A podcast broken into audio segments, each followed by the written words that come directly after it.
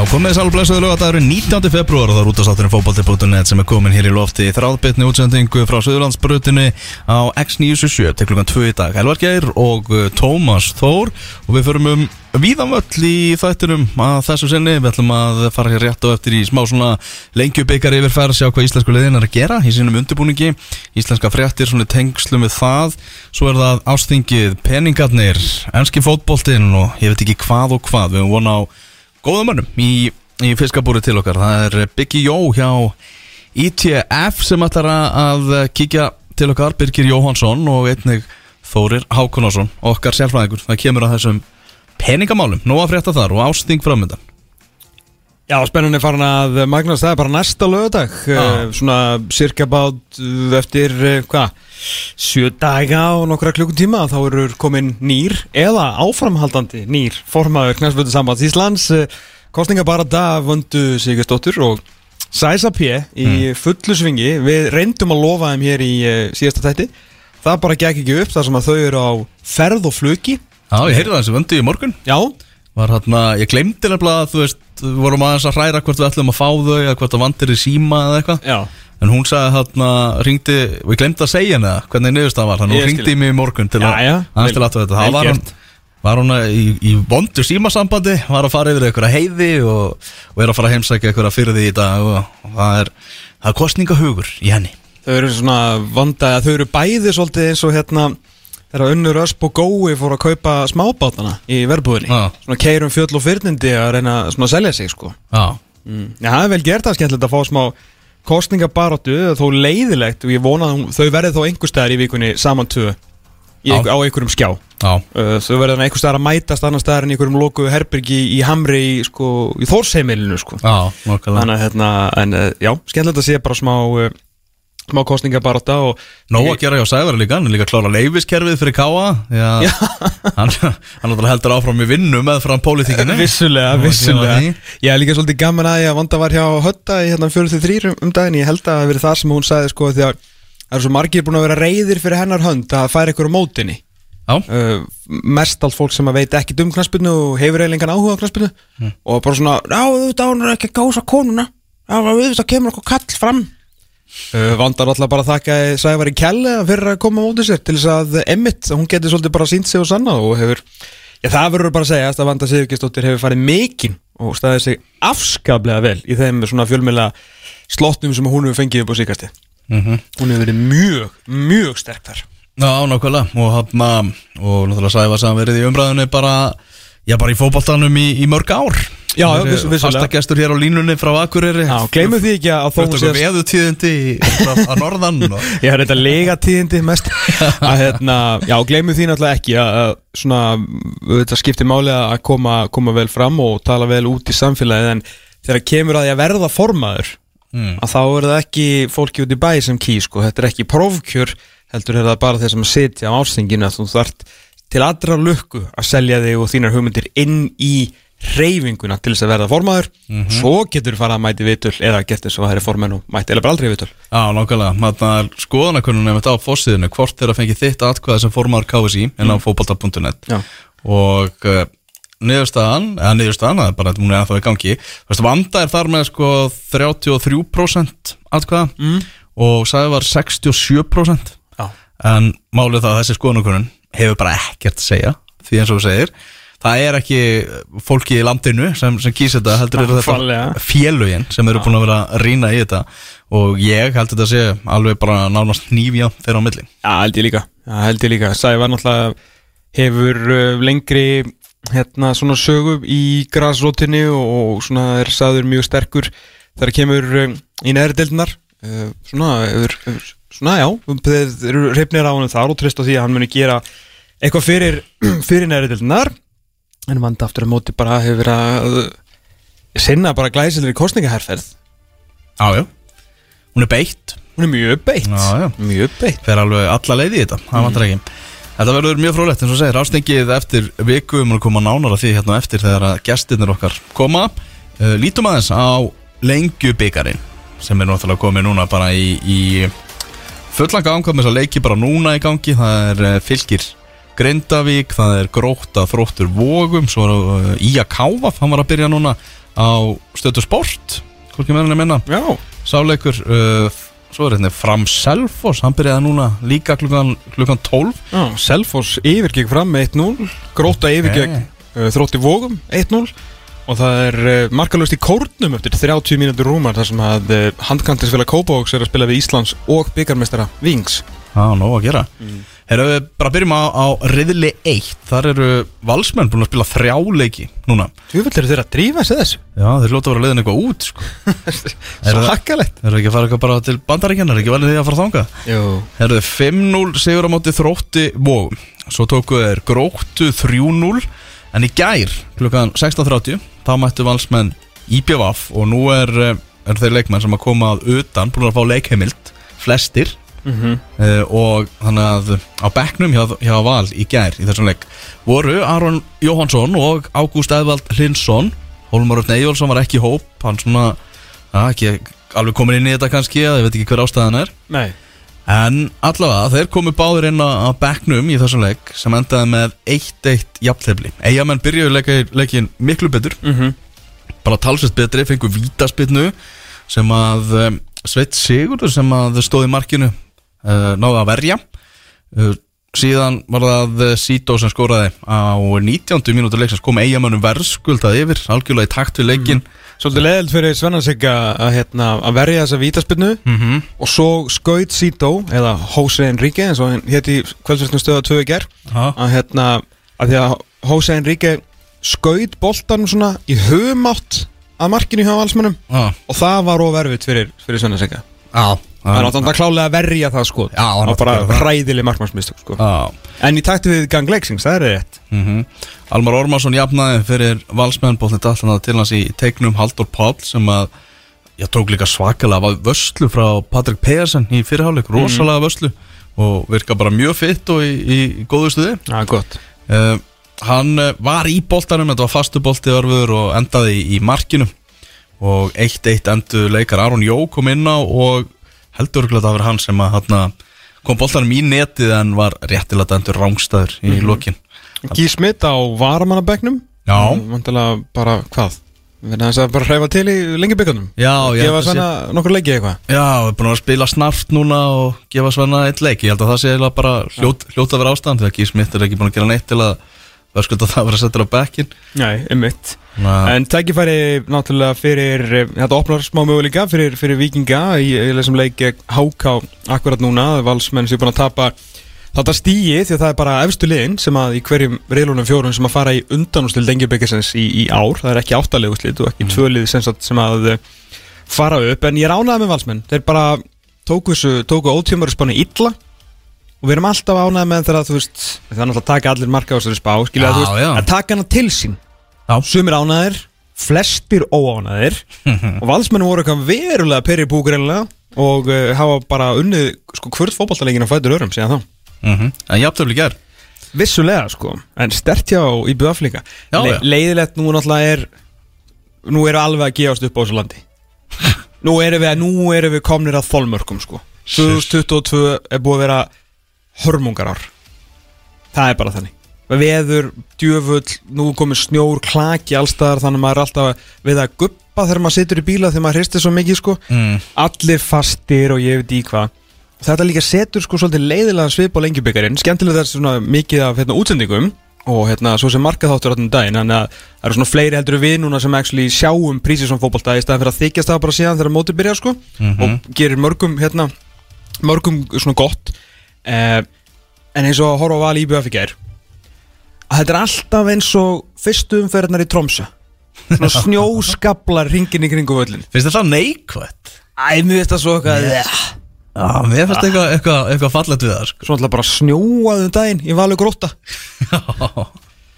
En en þetta er náttúrulega eins og Ég, veist, ég gleymi nú aldrei þegar ég lísti hérna Íbjöða fjölnir þú veist, Í júni eða eitthvað hástinsvelli Og það kom sko haglir Já, er svona við búum á Íslandi. Við búum á Íslandi, það er Og rétt. einhvers að hér ætti í raun og veru ekki að vera annað heldur en veður átugunarstöð En við búum hér. Vissilega Eru Lógi Tómasson, Luigi með tvö mörg fyrir Viking í fjörn úr sigramóti þrótti vóum hérna í vikunni. Já.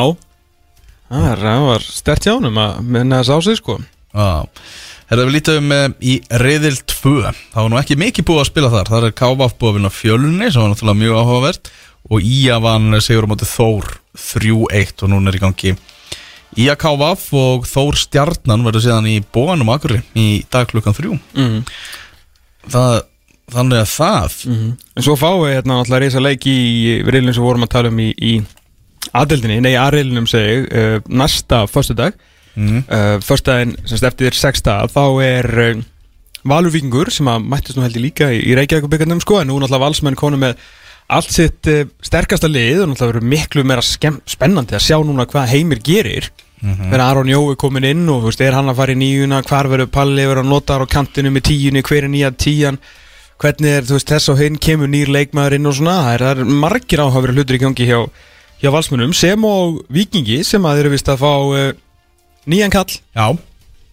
í miðurinn, mm Svíja, Svíja. Síkáttan Svíja. Mm. þrítur aldrei, þannig að þetta er engin nýgræðingur. Hann á bara að mæta hann bara tilbúin í slægin algjörlega. Og stund að mynda á hann hann þar sem hann var búin að taka, fara úr treyjunni og var bara í svona geðið svona þröngum innan undir ból Já, uh, hann hlakkar ekki jafn mikið til bolludagsins og mér.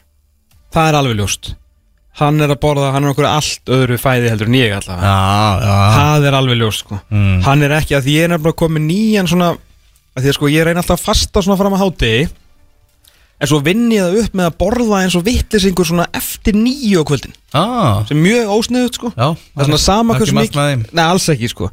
En hann virðist ekki gera þetta rétt sko. Í, í super standi þessi, þessi strákur Og ég fekk svona smá uh, Hérna Skýslumann í morgun. Mm. Uh, Hann var að spila fyrir Degerfors Í, í hérna í uh, Allsvenskunni.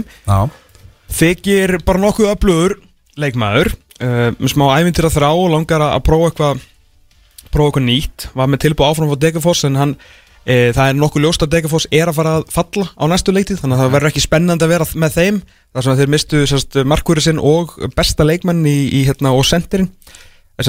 Markvörin fóð til Malmö sem er náttúrulega mestararnir og til Júrgrætin þannig að þeir voru með svona nokkuð öfluga leikmenn þarna. E, þannig að þeir eru að fara að falla á næsta ári en hann var að leita sér að einhverjum en hann var með samlingstilbúð þar og frá fleiri félögum í, hérna, í allsvenskunni. Uh, en uh, þykir góður á boltan ekkert eitthvað brjálaðislega hraður uh, en mikill leiðtói og það er svona þættir í gangi í Svíþjóð um Degerfors, ekkert ólíkt hérna vikingstáttunum, það sem er svona verið að fylgjast með þeim og svona insight, eh, svona all access Mhm. og þar hefur uh, þessi Eikróð uh, svona komið mjög vel út sem svona sem leiðtói í liðinu sko. ok og það er eitthvað sem að uh, vantala hefur heillað svolítið Kára og Arnar það sem að það þarf Já, menn er að tala um það, það færi eitthvað svona smá leitu að hefni út úr liðinu með Kára og Sölva, Það eru svona helstu sérfræðingar allra helstu sérfræðingarnir sko. sem að ná að sjá það Já. En hann er samt vanið að spila í hérna, miðjunni á þremur hafsendum Já, ok. Þannig að- Þannig að verður svona aðeins öðruvísi fyrir hann að spila í tveggjafasta kerfi Vantalega gert það á sínu felli Já, þrítur, hann er alltaf að geta það talsveit oft.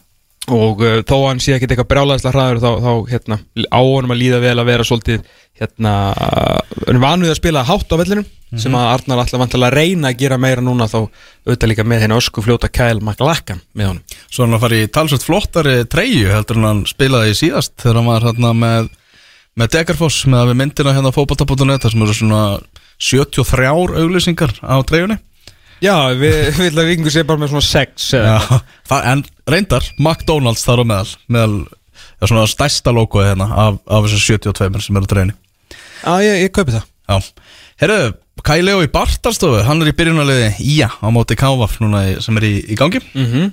mættur á Skagan. Það var það ekki gefið. Svona, þú veist, eh, skæin að fram annarkvort þessar liða Nei, kepla ekki þetta líka, sko.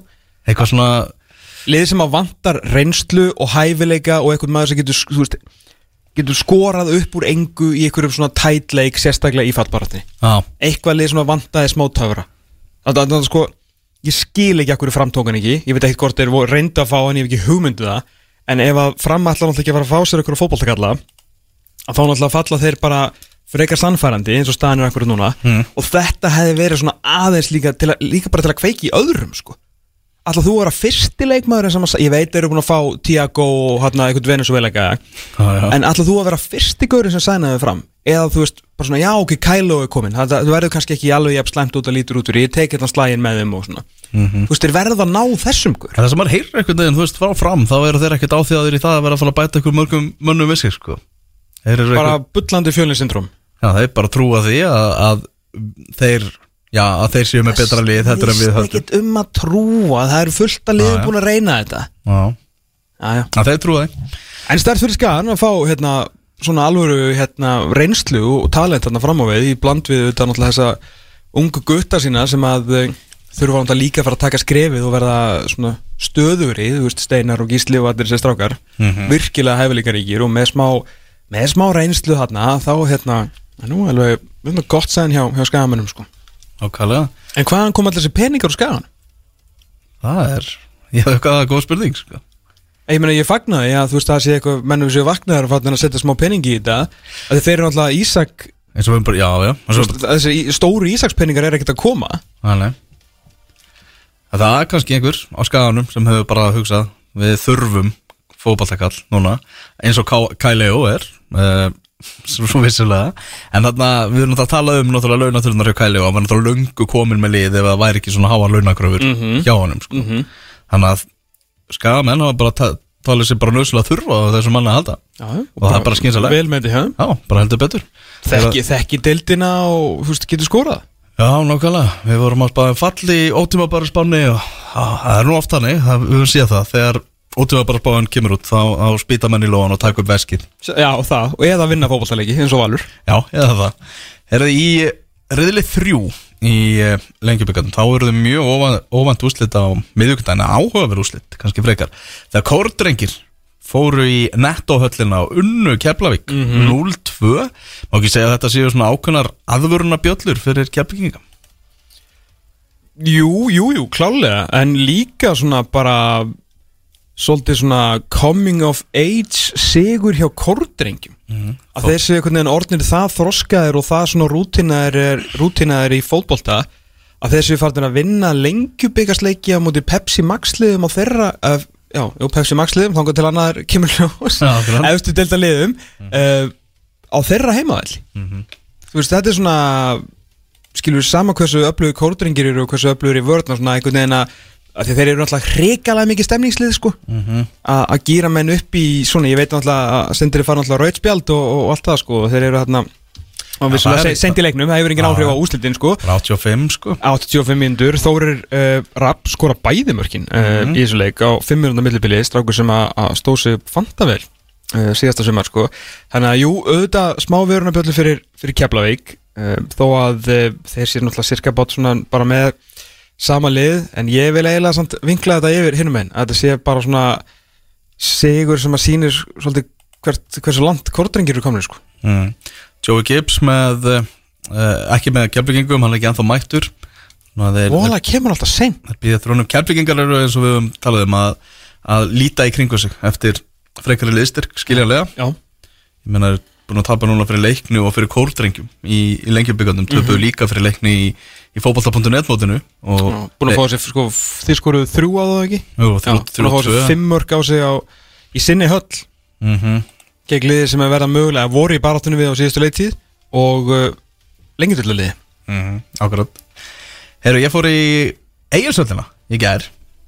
Það er ekki vinsalt já, liður núna að spila í Egilsöllinu en þessi leikur var klukkan nýju í gærkvöldi Mm, í Egilsöllinu Mannstötti Reykjavík við móts tvíhöðunum Förstu dögum, 7 og 9 Komin heim hálf 12 Alveg umgjör í kringu þennan leik. Ég fór hann í keiluhöllina í hálfleik Fekk mér eitt bjór og, og þar voru trúbadorar og allt í hálfleik. Nó, Alveg hálfleiksjó sjó í leik leiknis og vestra. Vel gert. Eh, Vestramenn náttúrulega ennþá í þjálfara leit þannig að Jón Haldán Pétursson, aðstofaþjálfari hann var stýrðiliðinu í, í þessum leik. En uh, maður heyri það að þetta verður einhver útlendingur þetta verður erlendur aðili sem að tekur við vestra Veitu hvað, hvaða nöfn voru þetta sem voru búið að reyna? Ég var að lesa á .net í morgun. Það var Húni, Já, Jóhann Byrnir, já. Hann var svona þeir voru, þeir voru reyndið eitthvað við hann. Veitu nýr afreksstjóri FH Já, Já. með mitt Ég bara, Veitu, er Húni alveg laus eða? Nei, hann komin í val Nei, hann er alltaf aðstóðið, hann er hérna yfirþjálfur hjá Val, já. Já, yfir til að yngri flokka eða val. Val, einmitt. Já, Þannig að ég held að Samme sé svona búin með íslenska listan Já, Bara eins og hann nánast leggur sig sko. Já, það er bara ekkert eftir. Það, það er bara, það að leita út, út fyrir landsteinana Ég heyrði að það var eitthvað svona spánverji sem væri mögulegur. Það er, að það er bara það er mikil ásókn í starfið þeirri Erlendis frá. Ok. Umbóðsmenn búin að komast í þetta Þannig er eitthvað liði í næstu eftir delt á Íslandi laust og eitthvað. Já, já, já. Eh, Þannig að þetta verður ekki spánverið að Dani, er það ekki líklegt? Það er ekki ólíklegt, nei. Nei, þetta er ekki ólíklegt. Það er það svona sem maður býst helst við nema samin á að koma með eitthvað óvænt íslenskt útspil. Skulum sjá hvað gerist.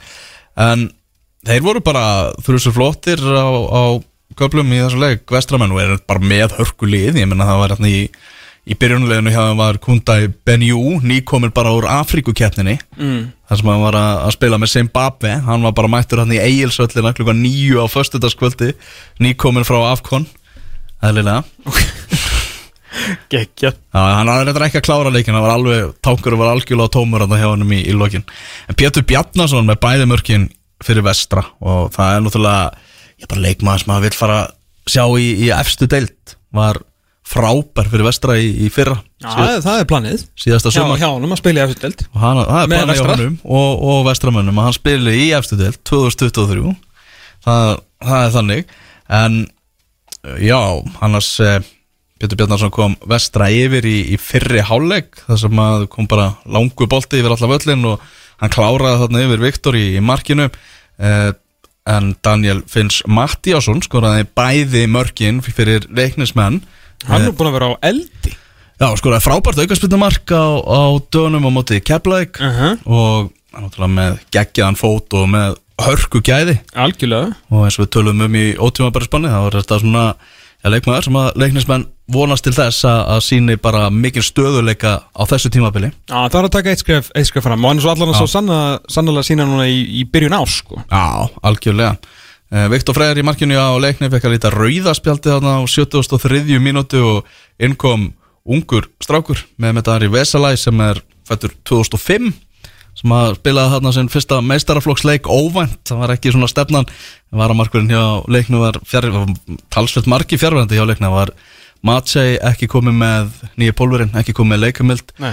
Og ekki heldur uh, þarna, uh, hinn annar Danin, hann var bara Mikael Dahl en ekki Mikael Jakobsen sem að gæti spila þennan leik. Nei, nei, nei.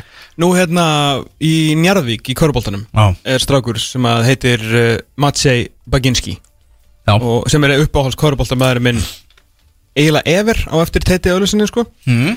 en hann er alltaf kallar Magic Baginski já, og það er fullt af fólki sem að heldur að hann bara heiti Magic. Veist, hann er svona veist, fer vel með boltan, góð skotmaður, afskaplega góður í körfu. Alltaf kannski svona þremur kílóum á þungur, þannig að hann svona, þú veist, venjulegt fólk tengir mjög vel við hann. Mm Mhm. leikmaður, ótrúlega flottur. Já. en eins og segi, kallar, veist, Magic Baginski fullt af fólki sem heldur hann heiti það. En heitir náttúrulega, heitir hann verið Magic Mm er við að fara að tala um Magic? Það Mas, Masijevski hjá, hjá leikni. Sæ- er þetta okkar Magic? Sæbjörn Stænki var einmitt að tala um þetta við mig núna bara í gær held ég sko. Hvort að, já, þetta er eitthvað sem bara það, að maður vil, skoða ekki vera, veist, að því að hann er náttúrulega pólskur landslísmaður fyrir höndi, þetta er alveg nafn. Já, og Magic er náttúrulega cool sko, mhm. Já, þú ræðir þetta við hann? Já.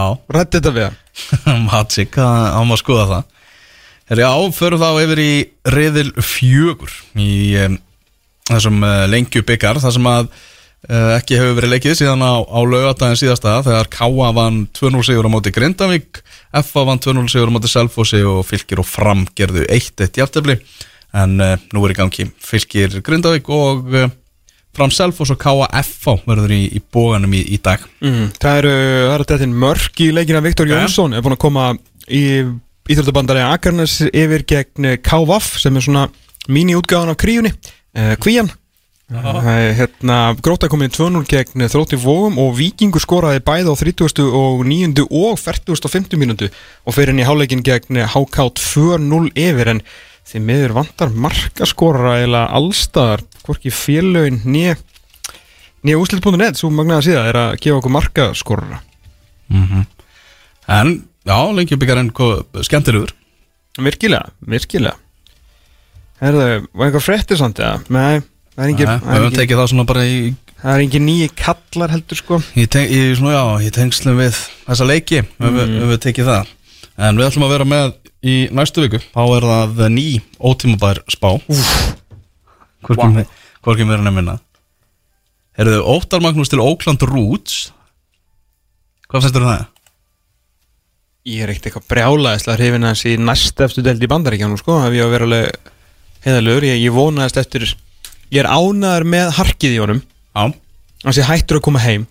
Hann bara heldur áfram að harka Því að hann er, uh, hvað er hann ekki 97 mótilega Hann er, hérna, veist, hann er að fínum aldrei og svona. Væri ekkert, það væri ekkert eitthvað slæmt fyrir hann að vera í Ókland veist, vera í bandaríkjanum, bara fínt Þú ert náttúrulega með smá glugga hann niðri. Ég veit ekkert hvort Ókland sé að sé eitthvað fransa sem er á leiðinu upp í MLS eða neitt sko. Mhm, Uh, Þannig að þú ert allan í glugganum hérna í bandaríkjanum ef hann skorar eitthvað fullt af mörgum að þá er alveg algengt að menn sér teknarinn upp í upp í efstu dildina uh, en aðalega er bara ánægði með, með harkið veist, uh, eins og Kári var að tala um hérna í vikunni. Að það er svo auðvelt að koma heim í, í 900 kallin sko, það er mm kósi mhm. En menna, reyndu bara að vera tímpúndi þá þá mun þetta detta, þú veist, hann mun skora 10 mörg í 17 leikjum og fá eitthvað múf og hann er á besta, þú veist, hann á ennþá alveg, þú veist, nokk, mörg fín ár eftir, þannig að bara taka harkið, skilur við bara gera þetta almennilega, ekki heim. Ákvæmlega. Erum við ætlum að fara aðeins í ásting og, og peningamál hérna eftir því að gestir þáttanins þeir eru komnir í hús, heyrum við þeim eftir uh, örstuttar auðlýsingar. Þú ert að hlusta á fótbolti.net á Exinu 977 Heldur betur, þú ert að hlusta á útastáttin fókbalti.net Elva Geir og Tómas Þór með ykkur til klukkan 2 í dag og hingað eru komni góði gestir, Tómas. Það er nú Þú að fá að vera með Þú færð að vera með. Ég eru mættir hingað annars vegar frangöndstjóri Íslands topp fótbolta búin að nóg að gera hjá honum på síkastið Birgir uh, Jóhansson F og Ingur. Og síðan við okkar lead political analyst fyrirhandi frangöndstjóri Knasputnu Sambands Íslands maður með puttan á púlsunum í reyfingunni Þórir Hákonarsson velkurinn báðu tveir, gaman að fá okkur. Takk hérlega, gaman að vera hérna. Herru, það er hérna svona stór, búið að stór vika hjá þér byggi og í raun og veru okkur öllum sem horfum á hann að fótbolta og kannski aðeins stærri hjá, hjá þér. Og við ætlum kannski svona að byrja þess á þeim nótu með þessa nýju samninga og svo ætlum við svona að fá ykkar teik svona aðeins á hvað það er svolítið bara sem að reyfingi vill í, á þinginu næsta, næsta lögða því þetta er, þetta er svona síðasta vikan fyrir þing. En byrjum á, á þínu fréttum byggi og, og, hérna, og delta fréttunum. Svakalega samningar komnir í hús áframhaldið verið með blekið vel blött á pennunum og, voru að raðinn hérna uh, seðlum fyrir okkur og, og umbreytið sér í deild. Hvað hérna segir fólkina eins hvað var að gerast í vikunni? Við semst vorum að ganga frá samningi við Genius Sport sem er þessi streymis og, og gagna fyrirtæki.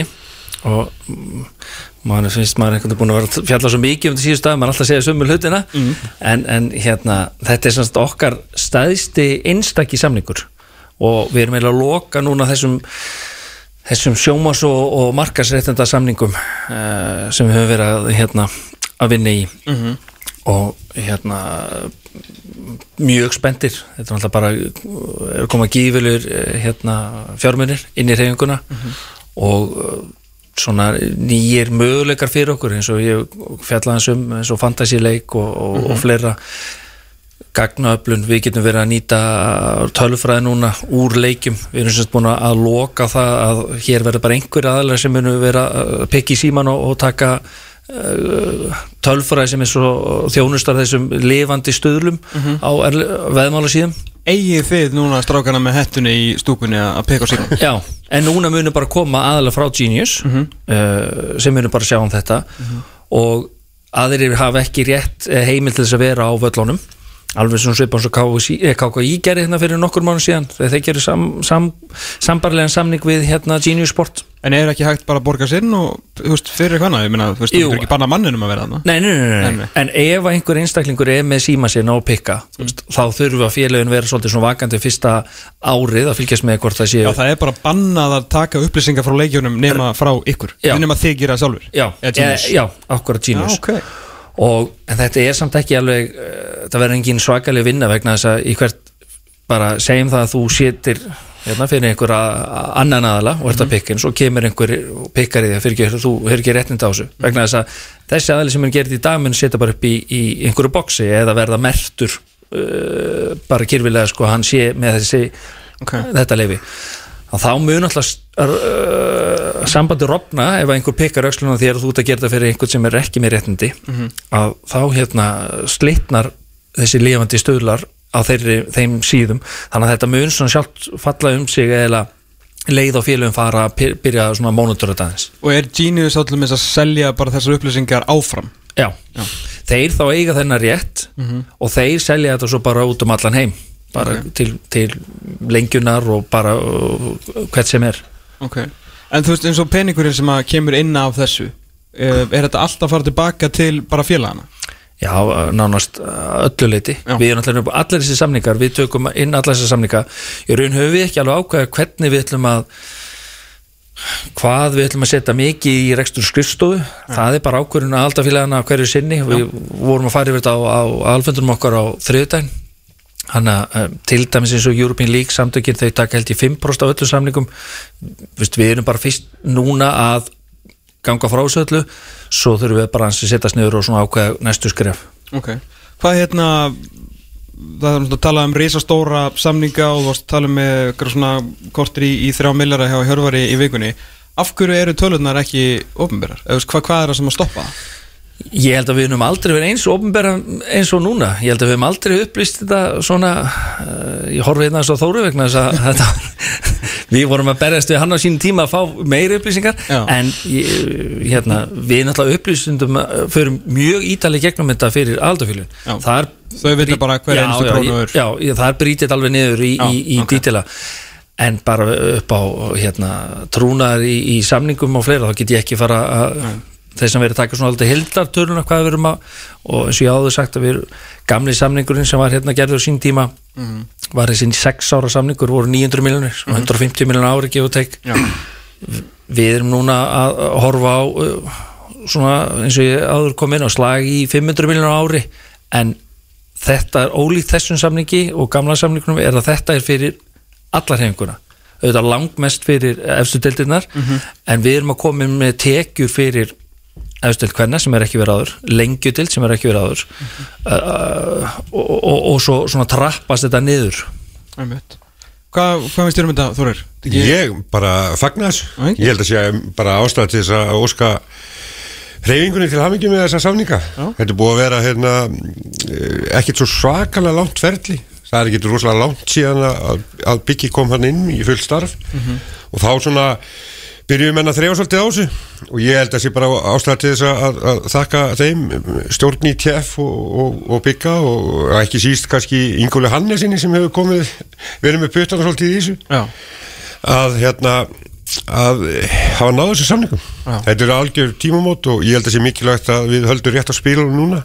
Það er alveg ljóst að við þetta er ekki eitthvað hérna, þetta er ekki einhver lokapunktur. Þetta er upphaf og, og við þurfum að halda áfram að berja á þessu og ná í meiri fjármunni með þessum hætti. Þessi réttindamál hafa náttúrulega verið þannig að það er eiginlega bara hver sem er geta nýtt sér réttindi félagana og deildana nánast eins og það vill. Það er ekki við höfum ekki verið nógu svona eh, hörða á því að, að hérna að halda utanum okkar réttindi. Nei.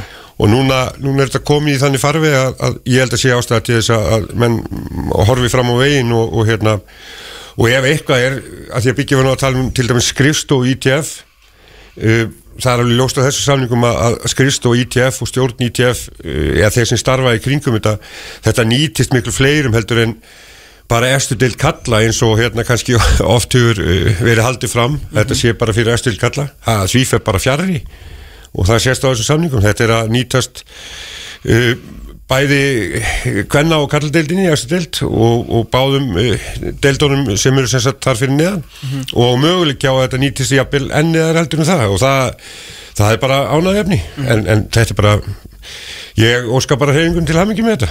Ég líst mjög vel á þetta. Góð mál, Eh, sko eitt með, eins og með Genius Sports að þú varst að segja frá því hérna í kringum þessa samninga að þetta væri náttúrulega ekkert smá stórt fyrirtæki, eru með risastórar deildir, risastóra markaði eh, bandaríkjunum og ég veit ekki hvað þó maður sé náttúrulega ánægð með þetta þá skilur maður ekki alveg hvernig svona verður til þar sem að uh, gleymið við aldrei að vikingarnir eru að fara í uh, sko Reykjöp turniringuna í Champions League í ára því að við erum svo lélegi í fótbolta og deildin er svo léleg sko Já, Þetta sko Genius vs. sagt, gamla Pepsi Max dildin Þetta virkar ekki svo fitt Hvernig verður þetta til?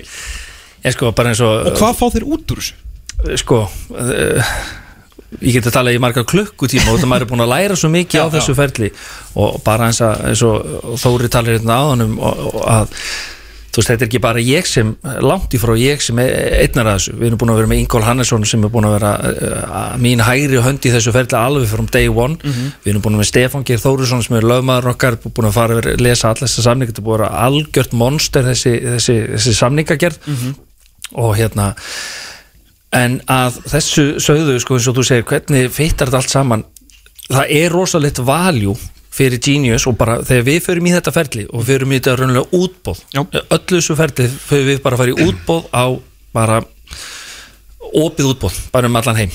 Hver sem er gætt bóð í þessi réttindi eða sjómusrétti, hvort svo er innlendu eða erlendu eða hvað annað að allir uh, á þessum fundu sem við fórum að funduðu með vildu fá íslensku deildina vegna þess að íslenska deildin er sömadeild og tímasetningin, hvernig hún fyllir upp í þeirra uh, dagatal þar er bara algjör sérstaða.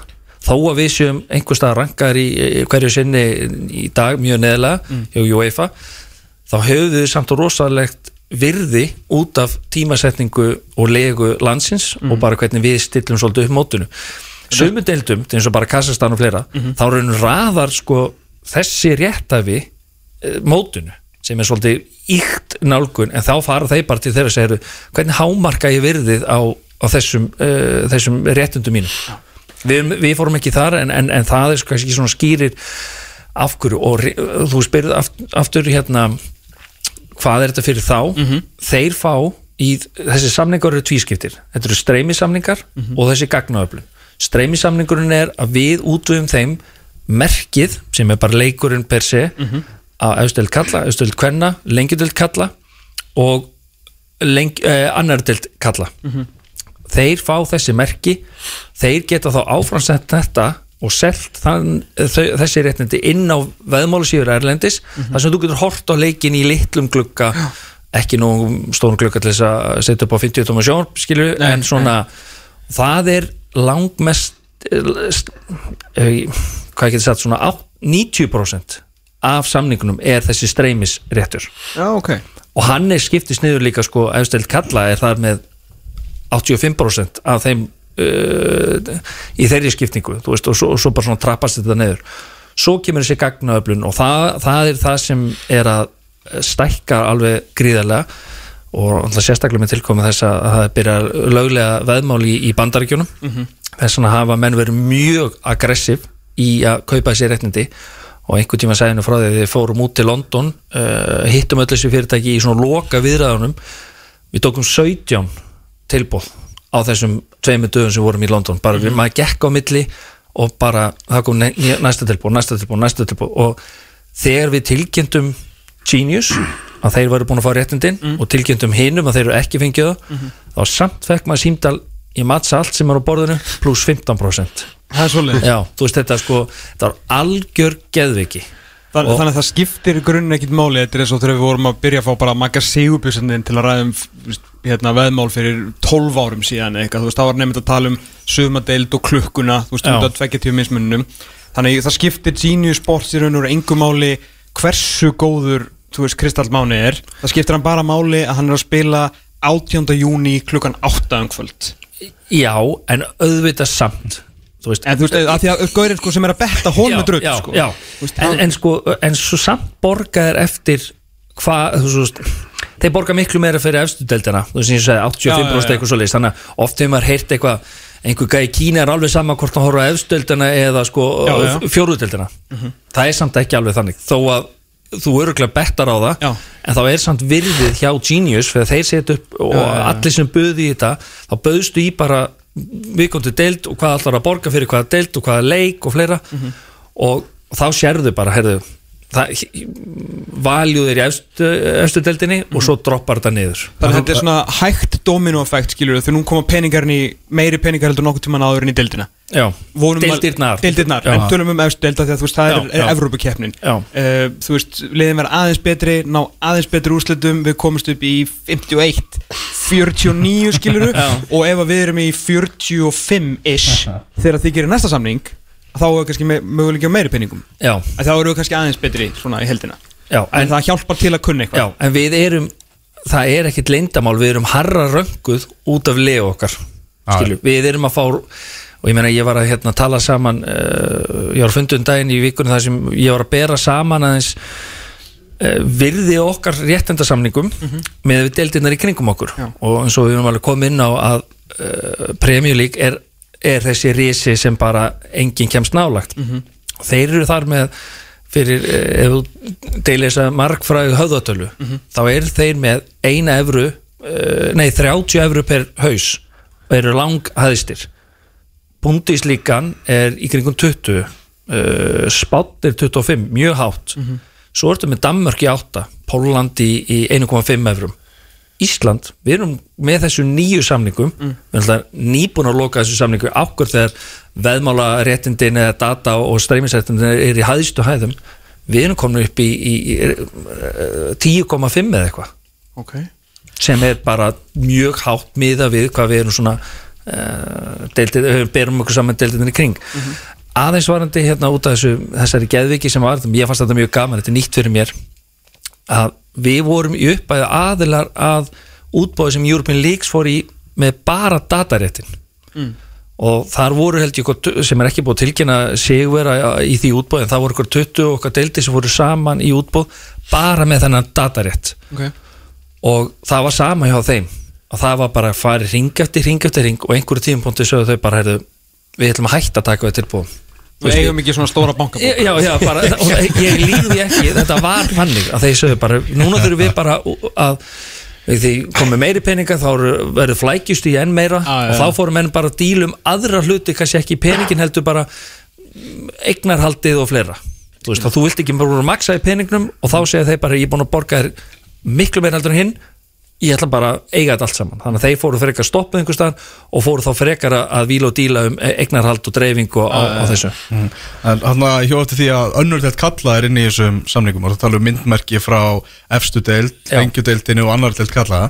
Veist, hver sér um þessar útsendingar og er, er þú veist, er önnur deildin á leiðin í sjónvarp eða hvað? Við munum í þessum, uh, þessum upprunlega var það ekki þannig vegna þess að það var raunlega ekki þannig í tilbúðinu frá þeim uh, í upphæfi þeir vildu fá myndmerki frá lengjudelt og við vorum allan tíman pröfum þetta verkefni í fyrra með lengjunni og, og vívenju að framlega þennan eina leik og félögum framlega alla sína leiki sem var inn á lengjudeldi.is og hefnaðist mjög vel en þetta hefur verið að sum félög sem hefði mátt gera þetta eins betur en allt í góðu. Uh, þannig að núna mun ITF með þessum fjármunni sem koma fyrir lengjudeldina, framlega lengjudeldina og við munum þá farið þá vinnu núna eh, við erum að ganga frá samningu við framleyslu fyrirtekinni innanlands að framlega alla þessa 132 leiki í lengjudeld svo munum við fara með þann pakka og selja hann til einhvers réttinda hafa, eða einhver, einhver sjómanstöðar eða vefsíu eða hver sem er. Eða við setjum þetta bara inn á lengjudeld.is og þetta verður pay per view við ráðum hvað við gerum. Í samningu viðræðunum við Genius sem tóku marga mánuði að þar kom fram allt í einu vilji frá þeim er við viljum fá uh, aðra deilt karla. Og þeir munu setja upp myndavelakerfi á völlum í annar deilt karla og streyma þeim leikjum. Ekkit ósöpa eins og Speedio Já. en, en þeir ætla að byrja með þetta uh, og sjá svona hvernig þetta kemur allt saman út. En það er svolítið á þeirra herðum að gera ekki eins og með lengjudeldina vegna þess að við vorum bara komin það langt inn í samninga, samninga viðræðnar áður en þetta kom inn. Þannig að og við erum, ekki hérna ITF er ekki að gæta hagsmuna annað deltafélaga, þú veist, þannig að KC tók svolítið þennan bolta og er búin að vera funda með félum í, í annar delt, þannig að ég hef ekki sittið þá fundi og veit ekki nákvæmlega hvernig það var svona, eh, hérna fór fram, en, en náttúrulega bara ég satt allar þessar samninga að gera, ég veit hvernig svona hvernig útvarslan á þessu verður Þannig að má búast við því að þú getur bara keift kannski stakan leik í annar deildinni fyrir eitthvað, þú veist, nokkrar efruður eða eitthvað Já, ég held ég sé ekki að Ah. Það, það er reiknað með í 2023 eða ekki rétt mér? Nei, jú, 23 Jú, ah, ok Það er sérst ekki núna í sumar, ég held að það nei. reikna með þessu 2023 hárrétt. Eitt skref í einu En þetta er, þetta er náttúrulega bara kannski ákveðt sönnun þess að, að hérna, e, svo vinna sem hefur verið fram hún nýtist náttúrulega miklu fleirum heldur en þeir sem hafa beinlinist tekið þátt í henni sko. og það er það sem við höfum verið að, að hérna, eða margir hafa verið að segja undir hundum árum, ég meina það veist, þetta er þetta er gott fyrir alla.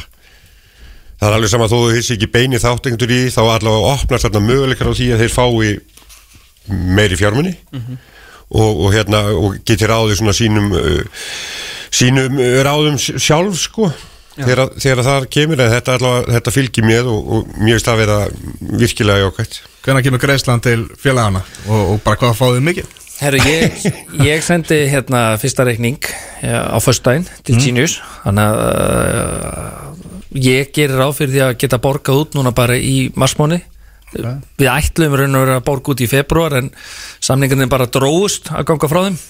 Þannig að þeir bara, við kláruðum hérna bara á föstudaginn fyrir, vik, fyrir viku síðan Já. þá var ég nú í statu með æskuvinu mínum í pedal hérna deg og var þess á milli að ganga frá algjörum nitti gritti að íta þessu við línuna sko. þannig að við sendum samningir á mándi og tilkynntum þetta á þriðudaginn eða miðgudaginn, ég man ekki alveg hvort það var þannig að þetta var bara þannig að við, ég ger á fyrir því að, að, hérna, að við borgum út leið og þessar greiðslur kom inn sem vonandi verða bara í, í bara í byrjun mars Er það allur, allt sem að félagin fá á árunu? Nei, nei, nei, nei. Við, við bara ákveðum að á fyrst ári að spekla okkur við útgræslur KSI eins og það er að verið KSI hefur greitt út hérna í mars uh, mæ og í uppgjör í lóktíðinbils Ok, ok þannig að við erum nokkuð inn að, að uh, horfa á sömu útgræslu en alveg sem ég sagði á alfundurum hjá ITF að hvort að við viljum fara þá í, í, í hérna, fjagra greið út á, á fjagra uh, tímabila fresti eða eitthvað skilur fjórun greislum eða Já, bara einhver ákvörðu sem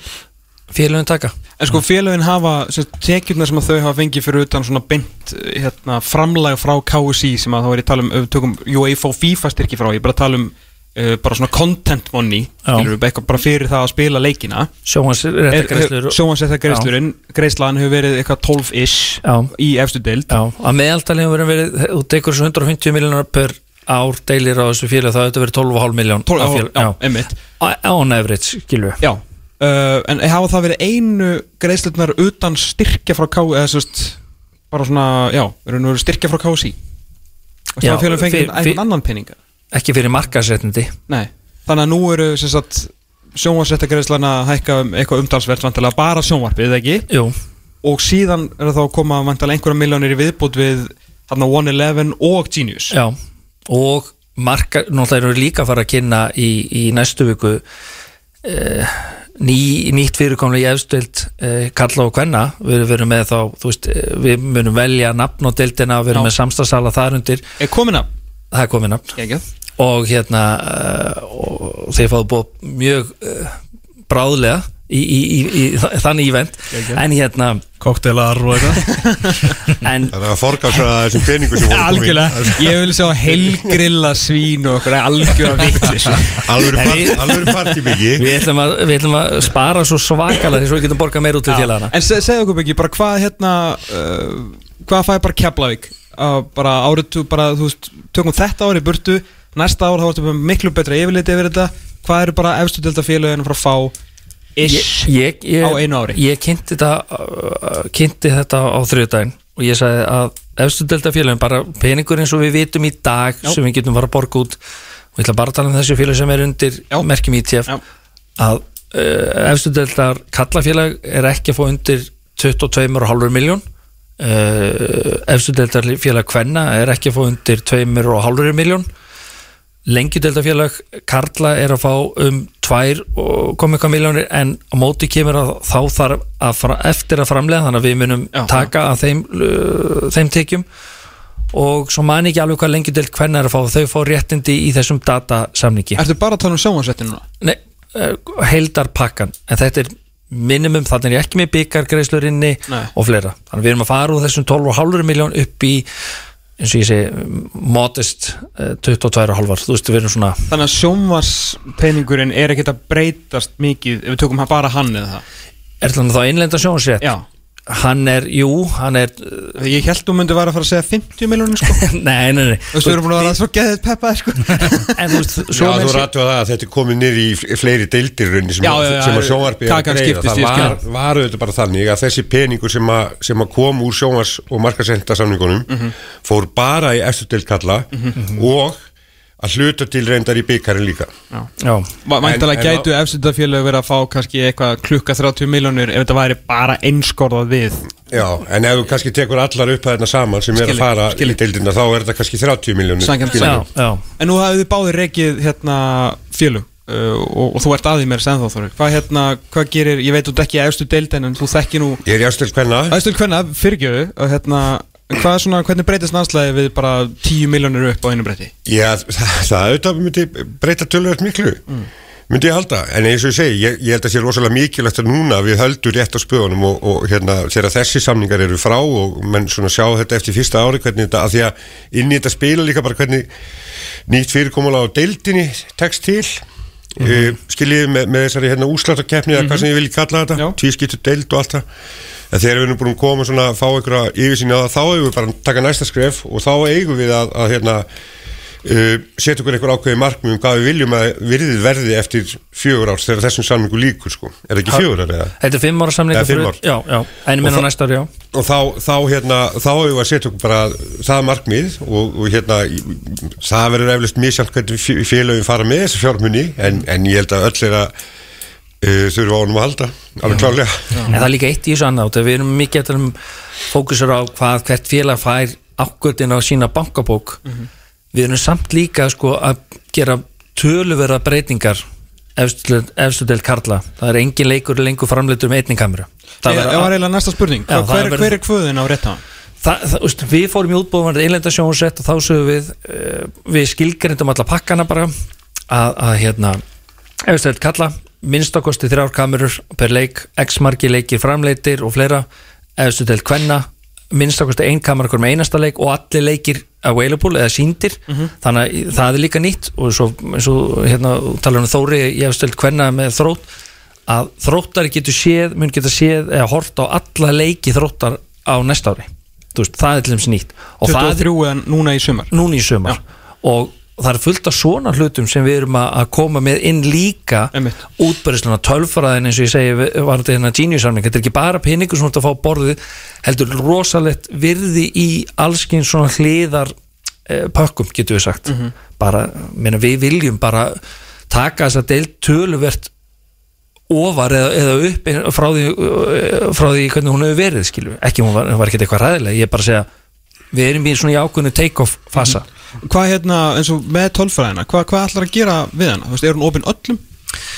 sko, við munum fá þessa svo kallar fast uh, fast uh, já, fast data kallast þetta, sem er þessi uh, tölfræði sem er pikkuð upp á þessu símum strax, sem er skot og mark uh, hérna uh, hotn og, og ball possession þessi svona basic þættir Yes. svo erum við að skoða það hvort að við erum að kaupa uh, meiri greiningar sem er þá gert sko live sem er þá þessi sko sendingalhutvöll og, og sem er það sem hún færð og sérði í Champions League, heat zone map og allt Það er ekki inn í Genius núna? Nei, nei, ekki, ekki inn í þessu fast data skilur við.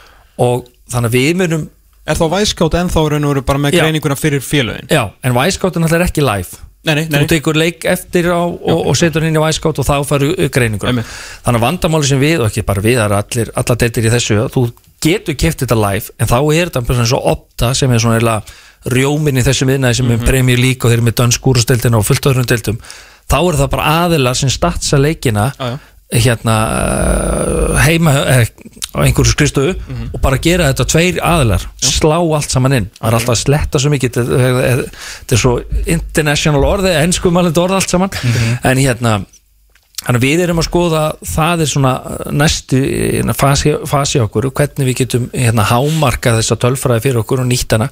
Við náttúrulega munum farið samtal við stötuðu sport, viljið þið kaupa aðganga þessu efni, getið um, auki vægi útsendingarnar með þá betri og meiri tölfræði sem hefur ekki verið, eins og ég kom inn og það har aldrei verið tölfræði um fylgdur skot á marka eða hotna í, í leikjum í efstu deildum Íslandi Já, var aðeins að síðast sömurinn, þú veist, þá voru bara að nota greinlega, þú veist, betri 6-5 skilur Já. þessi bara, þú veist, hugmyndaðu ekki og bara dýfka umfjölduna, bara flott, sko. Já, en hérna, ok.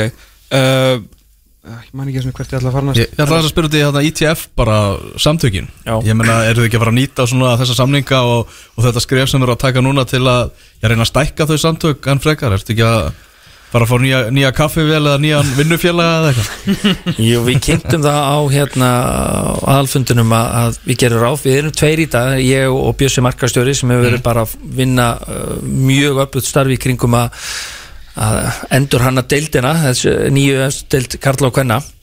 Uh, ég setti inn í átlun að við þyrftum hugsalega ráðin nýjan starfsmann uh, á skrifstofuna sem verður bara svolítið að koma í ljós hvort að uh, hvernig það mun þróast við erum að fara að stopna uh, fyrirtæki eða verkefni sem er svo kallar mítihöp þar ráðum við inn starfsmann með KSI en það er hluti af mm, budget sem við fáum inn fyrir að deil út öllum þessum merkjum sko. Og hvort að það sá starfsmann verður beisaður eða staðsettur hjá okkur eða verður bara hjá þessu framleyslu fyrirtæki sem við erum að semja við. Það er svolítið eftir að koma ljós. En hann verður alltaf okkar uh, hvað getur sagt? Hann er verið að vinna fyrir okkur allan tíman þannig að þannig jú, það er mikið að breytast en, en við ætlum ekki að verða eitthvað bákn. Þannig að við erum svolítið að reyna að bara uh, hugsa um að borga sem mest út til að alltaf félagvegna það er það sem við markmið okkar er að gera. En er, er ekki eina viti að fá stærri Kristóði minn, hefur ekki talað lengi fyrir því að Já, og, Jú, ég, ég hef alveg, ég hef alveg talað fyrir því en ég, eins og segi, það, fyrsta skrifið var náttúrulega þetta að, að ná þessum samningum í höfn og ég bara eins og ég sagði hérna upp að ég minna þetta eh, tók alveg rísa hröðum skrefum fram á við eftir að hérna, það var ráðin inn starfsmæður til, til ITF bara í fullstarfi rauninni.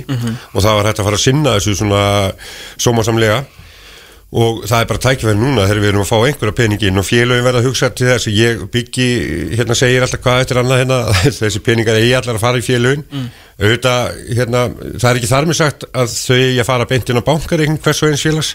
Heldur, myndi ég allavega ég myndi mælast til þess að er, það er fjárfest í, í frekar í svona mannabla í kringum, kringum þetta til þess að gera bara næstu samninga ennþá betri er annafla inn í félögin eða inn í Nei, inn í, já, já, bæði náttúrulega inn í félögin en líka eh, ekkert síður inn í, inn í ITF sko. Nei, nei, og, og hérna ég held að þó svo við séum búin að taka þetta skrif núna þá, þá bara ítrykkaði það. Mér finnst þetta, ekki, þetta er ekkit þetta er engin lokapunktur. Nei, nei, þetta. Er bara, þetta er bara uppáspunktur og við verum að vinna, vinna út frá honum og reyna að gera þetta enn betur næst. Hérna, og talar bara á um leiðinni þanga skilur Algjörlega, þú, talar um svona media hub. Uh, veist, ertu að tala um bara svona sem heitir á íslensku heimasíðu. Bara að sé einhver nei. miðstöðu það já, þetta er hérna aftur, þetta er eitthvað sem er mig óraði ekki fyrir þetta. Svo ferði ég þessar samningaviðraður og þá allt henni kemur ljósbyttu ok, ég þarf að afmynda þér, merkja einhver leik það má ekki vera undir þessum tíma. Já, þetta er bara Eh, baksviðs, já, í raun og og, veru, og þú veist, og þá allt henni hvernig fegur maður að gera þetta, svo fegur maður að tala við höfum alltaf verið miklu samskipt við norsk og dansk mm Mhm. tófóbolt og, og fleiri samtök að eh, sístra samtök í ITF og þar kemur í ljós að þau eru öll bara með hérna, 30 manna skrifstofu Einmitt. og 5 manna sko mítjuhöp skrifstofu sem er er með varherbergin öll er með hérna, þessa miðstu öllum leikjónum það sem er geima alla leiki. Það er aftur mitt svona virði okkar. ITF eða KSI á enga leiki ef að, ef að þú vilt að fara að gera hérna, sögu vikinga bara sem hérna, stöðnismæður vikings þú þarft að koma hingað reyndar hefur ákveðt segjumantök hér í þessu húsi en hér þyrftu þú að semjum að fá aðganga öll efni. Mm.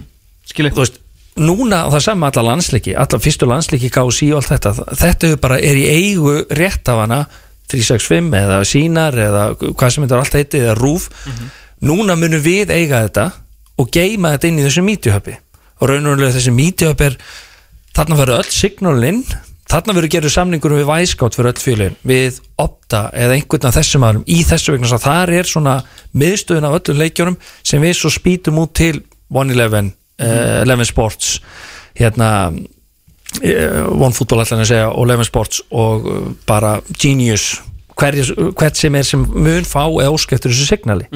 En verður, þú veist, einhver, einhver miðstöð á netinu fyrir dildina sem fólk getur bara séð leikina og þú veist, það er ekki alltaf að treysta á KSI og þú veist, með klippum og tölfræði og Já, bara já, öllu. við munum búið til deild fyrir eða svona, þarna alltaf verður þá bara ný heima sér fyrir efstu deild Já.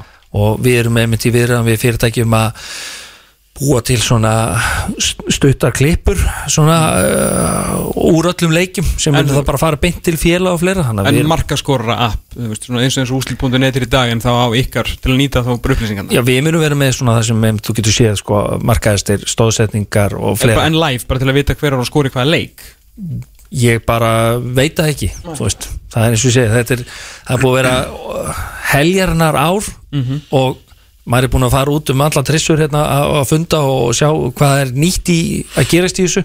Alveg svo Þóri sér, við erum bara fyrst að lenda eiginlega núna.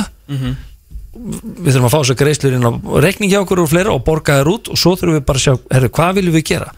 Og svo ég tala nú aftur vitna í hérna í norminna þegar normin komu þá fóru þeir bara og við horfum þetta svolítið þannig fyrst árið bara svolítið að koma svo öllu á koppin og afvend öllu sem merki án þess að verða eitthvað klúður eða þess áttar árið tvö þá eigum við fara að horfa, uh, hugsa til þess hvernig getum við fengið fleiri á völlin uh, auðvitað það markmið í ár líka en ég segja, hvað getum við gert fyrir fyrlögin við ITF normið fóru það að kiptu sparkvelli handa öllum. F- og fóru svona, svona heildar einhverja hvað getur sagt, svona stefnumótun.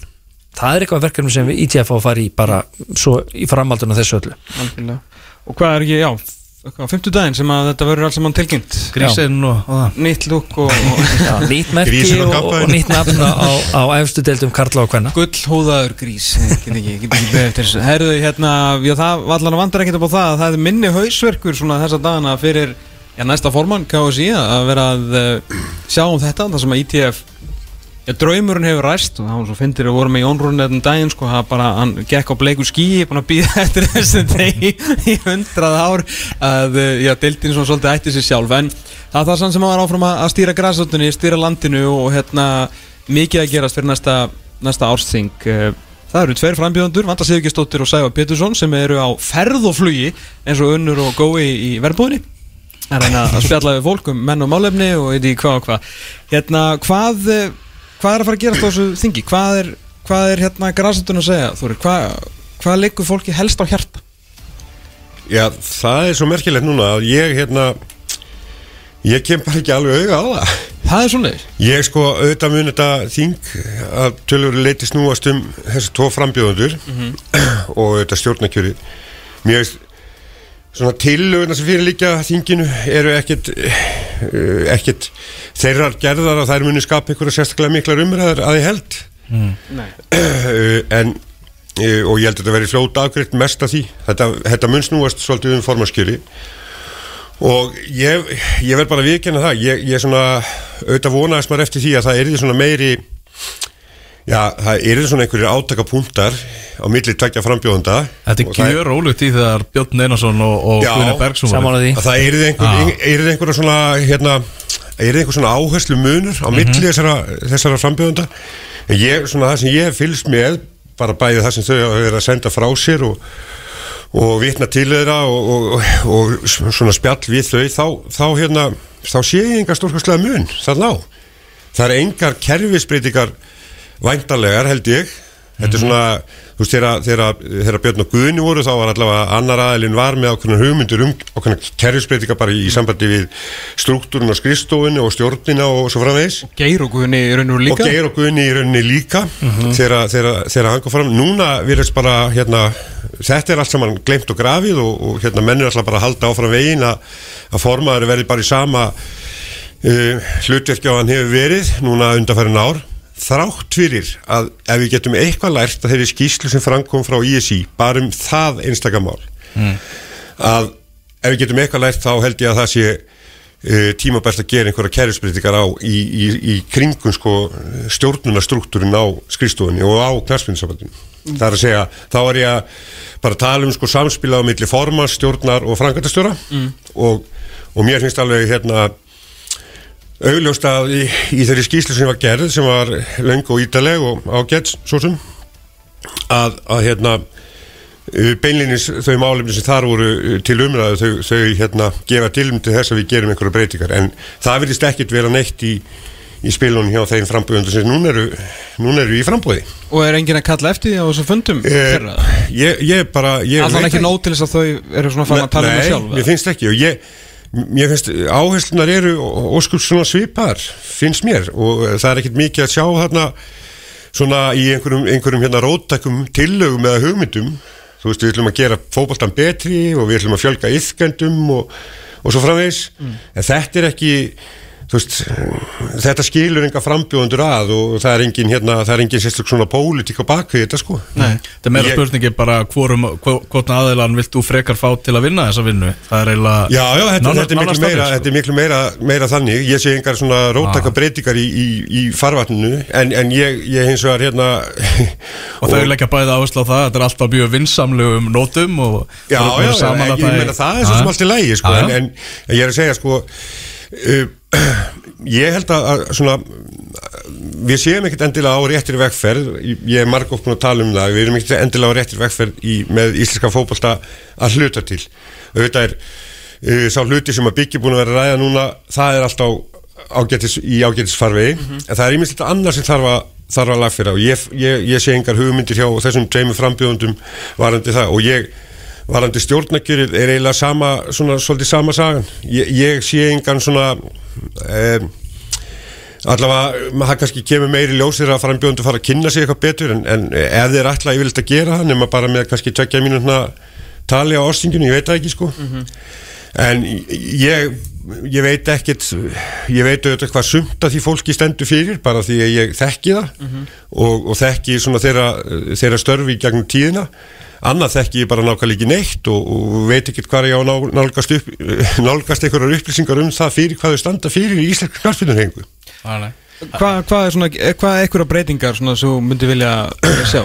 Já, ég hefði til dæmis vilja sko, ég, ég, eins og ég segi, ég hefði vilja sjá og ég hef eh, svo sem talað fyrir því einhver tíma að ég hefði vilja sjá svona einhverja breytinga varðandi starf bara forma sín sjálfs Hvernig þá? Uh, að, að formaður væri ekki endilega uh, starfsmaður knarspænsinsambansins í, í fullu starfi Ok. það, er, það er svona uh, og ég held að uh, það sé bara holdt einhvern veginn að líta allavega yfir svona farin vega kannski ættu að, að, að huga að einhverjum breytingum að það er því meiri ábyrð sett á þá sem að eru uh, í frangatastjórn í sjálf, sjálfur sér, það er að segja frangatastjóran eða hugsalega væri frangatastjórnir tveir yfir sikkur sviðunni eða eitthvað slíkt allavega finnst mér vant einhverja svona umræð um það og að það sé, það sé alveg skýrt hver, hver hérna ábyrð formans er gagvart stjórninni og ábyrð framkvæmtastjóra er gagvart uh, stjórninni líka. Því, að, því að hérna og ég, bara ítrykka það, mér veist uh, skýsla sem að framkom hana, hún hafi uh, ég las það allavega út unni það getur vel verið að ég hef verið að lesa hana vittlust en ég, ég er búin að lúslesa hana og, og hérna, það eru fullt alls konar dæmi mín og alltaf en svona niðurstaðan finnst mér vera, vera einhvern veginn svo Við, við getum ekki haft þetta svona, við verðum eitthvað að breyta strúkturnum á, á hérna, stjórnunum á sambandinu. Hvað eru ITF svona félögin að að segja við þig? Er- að Eru þið meira bara að spá í þessum peningum sem þið að fara að fá inn eða? Já, það er alveg meira þannig hjá mér sko Ég hef ekki verið mikið í þessu pólitíska Þægilegt að sviði losna bara úr FH Stýra þessu bara öllu sjálfur Ég, ég hef bara haft ununa því að hlusta á Þóri vera með svona og tek undir þess hans vangaveltur en, en ég hef svona ekki verið að blanda mér of mikið í bara vegna þess að maður er starfsmæður og þá, e, þetta er meira svona stjórnunulegs eðlis hljómaði eins og einhver vesti hérna á pólitíku en, en ég er svona bara Svo sátti ég- enga skoðun og neina. Passa sig að segja ekkert bara. ég hef hérna bara haldið mig fyrir utan þetta en ég tek samt undir það sem Þóri er að segja. Veist, ég las það sama á skýslunni að hérna það væri þörf á einhverju svona kerfisbreytingu eða skiplagsbreytingu en, en, en hérna ég bara læt þetta mál í hendur uh, Þóris. Já, Eða ég, hreyfingunni, þú veist ekki er hún að kalla eftir þessu. Nei, ég, ég, ég, ég Eða finnst fyrir utan þig náttúrulega. En, já, fyrir utan mig. Þóri er hreyfingunni. Það er rétt. Nei, ég hérna Nei, mér finnst einhvern veginn vera svona pínlítill eh, Hvað ég segja, svona hálfgerðu dóði bara yfir þessu Þú veist, það eru 12 frambjóðundur núna í áttasæti í stjórn. Já. Það þurfti reyndar að framlengja fresti til að ná inn frambjóðundum í varastjórnuna En það eru tveir frambjóðundur í, í hérna í formánskjöri og undir venjulegum kringustæðan þá myndi ég sjá að þú veist, það væri einhver umræða sko, um þú veist hvað ætlum við að fara að gera? Já. eða, eða veist, ég hef þá tilfinningur ég, nú verður ég að, að passa mig á því ég er ekkert að fara, þú veist, ég er ekkert að tala niður einn einasta frambjóðanda hvorki í formalskjörið eða stjórnarkjörið en mér finnst einhvern veginn við vera í þeirri stöðu núna að þá bara að labba inn á ásting þar verður bara kosið og svo bara daginn eftir þá setjast bara átta aðeinar í stjórn mm.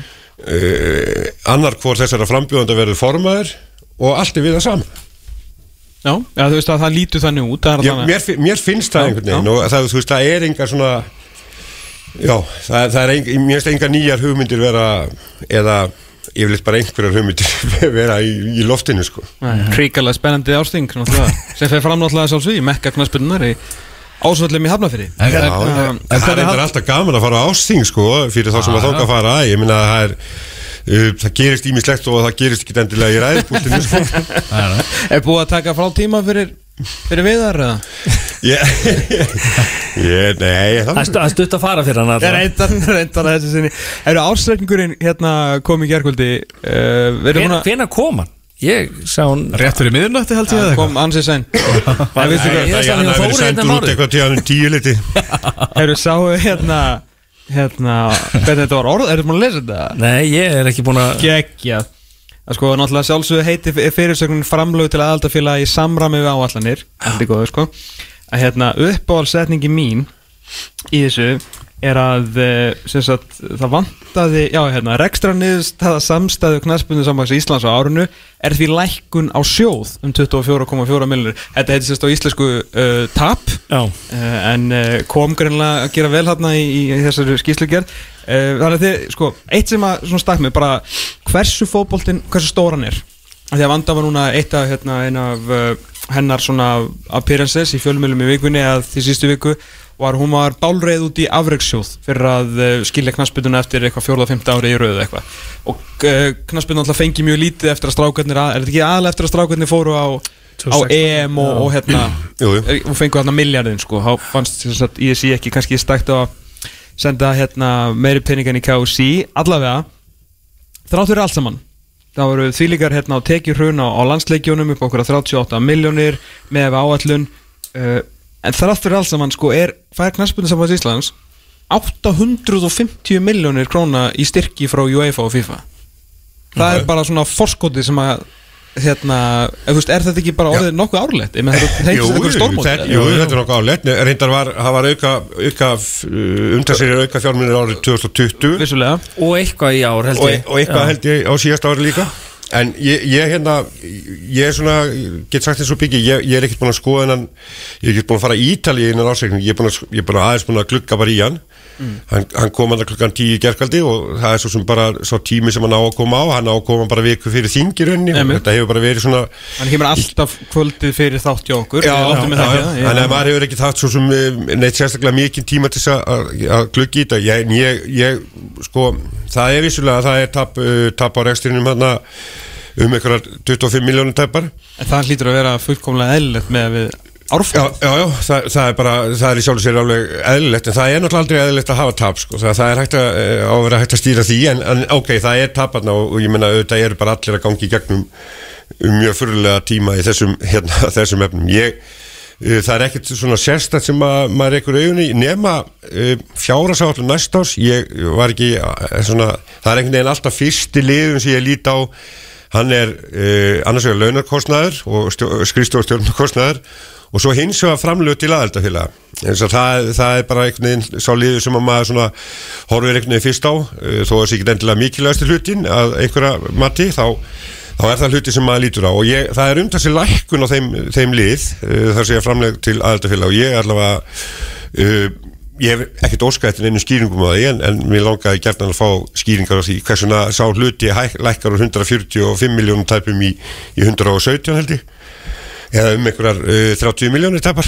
Greiðslu til aðalfélaga já, eða framlög til aðaldafélaga eins og það kallar ég veit ekkert, ég veit ekkert hvað fælst í þessu kann- kannski verið að Þú færa spurt á þinginu Það verður kannski ekki að fót. Já, já, það, það, ég, ég verð að gera það sko. En það er nú strax byrjað að reyna svona aðeins að stoppa ykkur en tók í farin já, já, já akkurat. En svo annað sem að hérna uh, og þau eru enda mjög heiðarlega með það í, í sko fréttinni sjálfri að stjórnunar, skrifstofu stjórnunarkostnaður fyrir 16 miljónur krónir fram yfir áallun eða um 5% sem útskýrist af kostnaði við aðkefta sérfæraðþjónustu og aukaþing eh, inn í aðkeftri sérfæraðþjónustu er kostnaði við almanatengsl að fá nú heldur betur vel hérna hvað var sér í árunu eh, lögfræðar ágjöð, nefndastörf, skýslugerð og eh, þýðingar Þetta er uh, skýrslan, skýrslan sem var gerð af ISI eða Já. óháður nefndinni fyrir Já. ekki er hún borguð af KSI?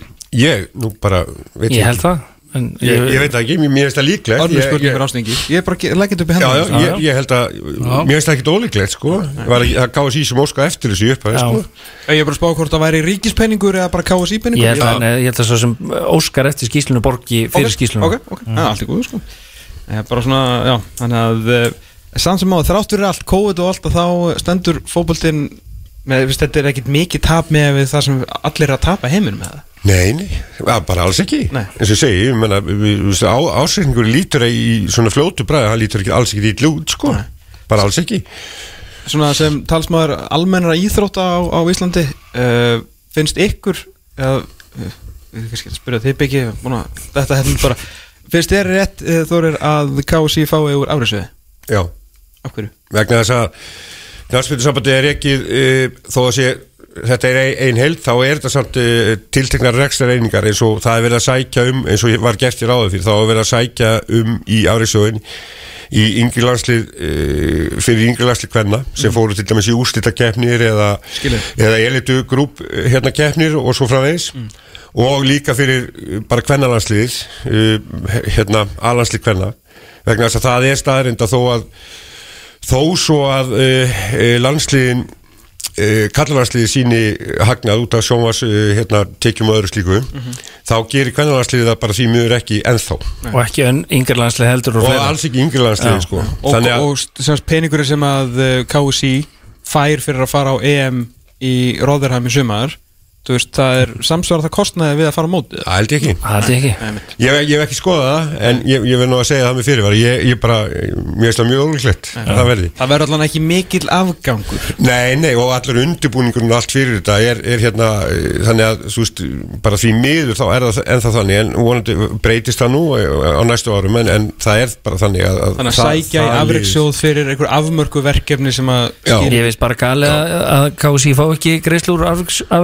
og uh, allar aðrar íþróttagreinar á Íslandi. Mm. og það ætti frekar að auka verulega í þennan sjóð eða framlega fyrir ríkinu. Já, já, ummitt, ummitt þannig að það að taka út langstæsta sérsambandið með uh, 30.000 yðgöndur og ekki greiða þeim neitt bara vegna þess að hagnaður er einni einingu hjá þeim. Mhm. það er bara, gengur ekki upp. Já, þannig að vanda var að tala henni í hjörtu Já, algjörlega, ég er bara fullkonar að sammálinni í þessum málum eins og mörgum öðrum gert Hefur klárum þessu umræðu á, á stóra málunu, formannskostningunum, vanda gegn Sævari. Þannig að þeir eru náttúrulega í sambandi við, við aðeldafélögin og, og fulltrúa þeirra sem að verða á þessu þingi eftir, eftir viku. Eru þeir með tilfinningu finnst að annar aðilinn sé eitthvað sigurstrángleri fyrir þessar formannskostningar á, á lögatæn? Ég er það ekki Ég finnst þetta að vera bara er mjög sammála þóru hérna var þetta þessa pólitísku greiningu alla Ja. ég, ég er ekki eins og bara að ræða þetta við þóru en ég hérna ég finnst þetta að vera svolítið bara flatt.